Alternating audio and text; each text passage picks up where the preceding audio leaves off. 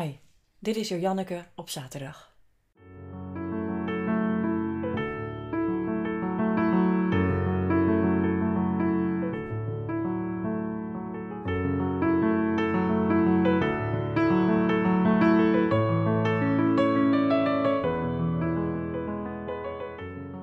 Weet je nog, toen we allemaal grotendeels binnen zaten tijdens de eerste lockdown? Wat zag de wereld er anders uit? We wisten dat het ook weer ooit zou gaan veranderen. Maar voor even zaten we een beetje getraumatiseerd en bang, maar ergens ook gelukkig in een kleiner geworden wereld. In een soort van fabeltjeskrant. De wereld was klein, een soort dorp met ieder zijn eigen rol en karakter. Meneer Den Uil, oh nee, eh, Mark Rutte, vertelde af en toe hoe het ervoor stond in het grote bos. En ieder nam zijn rol. Maaltijdenservice, boodschappen voor de buren en net even vaker videobellen met oma. We woonden de eerste huwelijk en begrafenissen via Zoom bij en vonden dat nog een beetje spannend. De leercurve van alles online ging ineens heel snel en het was ook heel goed. En veel vakgenoten van mij en ook ikzelf waren super blij en opgelucht vooral dat ellenlange meetings niet meer in Tietjerkstradiel hoefden. Niets de nadelen overigens van Tietjerkstradiel, maar je begrijpt vast wat ik bedoel. Begin mei schreef ik een blogartikel over dingen om te koesteren, ook na de lockdown. Ik had op Twitter gevraagd wat mensen zouden gaan missen na de lockdown. En daar kwamen heel veel antwoorden op. En ik vatte de antwoorden samen in een top 15. En ik zal ze kort samenvatten. Met stip op één stond alles in je eigen ritme kunnen doen. Niet meer hoeven jagen om overal op tijd te zijn. En niet leven op de klok. En de extra tijd met kinderen en je partner. Of lekker alleen. De rust buiten. Op straat, in het verkeer, geen vliegtuigen, overal meer rust buiten eigenlijk. De frisse blauwe lucht en de positieve wending in de natuur. Niet hoeven pendelen. En vooral geen FOMO, want je weet zeker dat je helemaal niks mist. En je wist ook dat er niet veel was om jaloers op te zijn. En geen stress over sociale afspraken, geen volle weekenden, niet geleefd worden door verjaardagen, kinderfeestjes, voetbal, zwemles. Rust in je hoofd.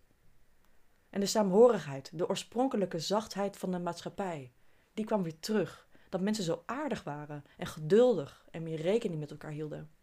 En het thuiswerken en ongeveer drie kwartier langer in je bed kunnen liggen. Later opstaan, nog even omdraaien. En geen ellenlange vergaderingen aan tafel. En lekker kunnen lunchen, even sporten en douchen tussendoor, bammetje in de zon. Rust in je hoofd.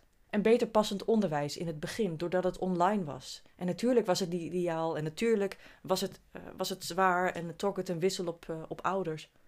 Maar ook hadden kinderen baat bij efficiënter en meer leren, zonder vertraging door klasgenoten of het langzamere ritme van de klas.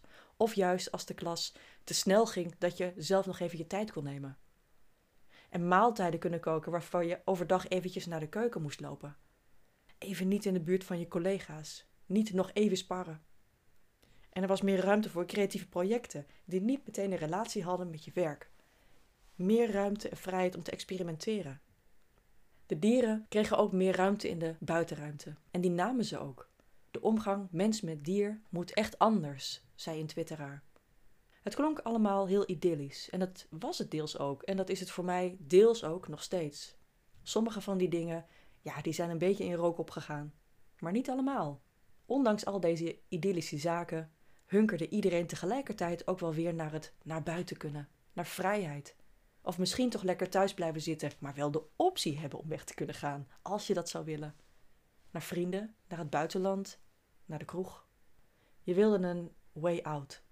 Nu een deel van de wereld weer open is en de harde nieuwsfeiten je nog steeds om de oren vliegen, misschien wel meer dan ooit in onze generatie, lijkt er wel een grotere kloof tussen die veilige fabeltjeskrantwereld van coronakilo's, zelfgebakken brood, buurboodschappen en tuinbezoekjes. En wat we daarbuiten zien.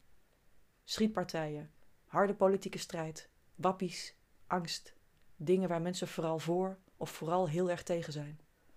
En de plek tussen buiten en binnen, zeg maar de stoep, is niet echt meer in beeld. The third place, die vroeger zeg maar Starbucks was, als je niet naar huis wilde, maar ook niet te lang nog op je werk blijven hangen. Maar even terug naar die zegeningen van de lockdown-tijd. De dingen die je daarin als waardevol ervoer. Grote kans dat die van binnenuit kwamen. Die rust in je hoofd, hè? Een break in de zon. Meer tijd voor je creativiteit. Geen stress over pendelen. Geen FOMO. Alles in je eigen ritme. Meer tijd met je kinderen. Die dingen voelen toch nog steeds goed? Heb je voor jezelf voldoende tijd en ruimte in je agenda gemaakt? En in je hoofd en in je hart? Voor deze kleine dingen die de grote dingen zijn. En misschien zit er nog wel meer in. Ik weet het eigenlijk wel zeker. Eigenlijk is dit een uitnodiging van the way out naar the way in. Dat wat van nature van binnenuit komt, is zoveel natuurlijker dan wat van buitenaf komt. Dat wat op je wordt geprojecteerd. Of dat wat er van buiten zo mooi uitziet, dat verleidelijke. Het groenere gras misschien wel. Zoals je wel eens hebt gehoord, geef het gras aan je eigen kant van de heg water, want dat past bij je. Koester wat je hebt. Maar wat maakt dat jij het nu goed hebt? En mocht je het niet zo goed hebben, wat maakt dat je je van binnenuit kunt voeden? Dit past eigenlijk ook wel weer bij radicale empathie, waarover ik het in aflevering 2 van Jojanneke op zondag over had. Het je kunnen inleven in een ander, omdat je zelf ook wil weten dat je niet zo bent als de ander. En ook echt een ander leven hebt, maar dat je wel de verschillen kunt koesteren, steeds meer. Maar deze keer radicale empathie voor jezelf.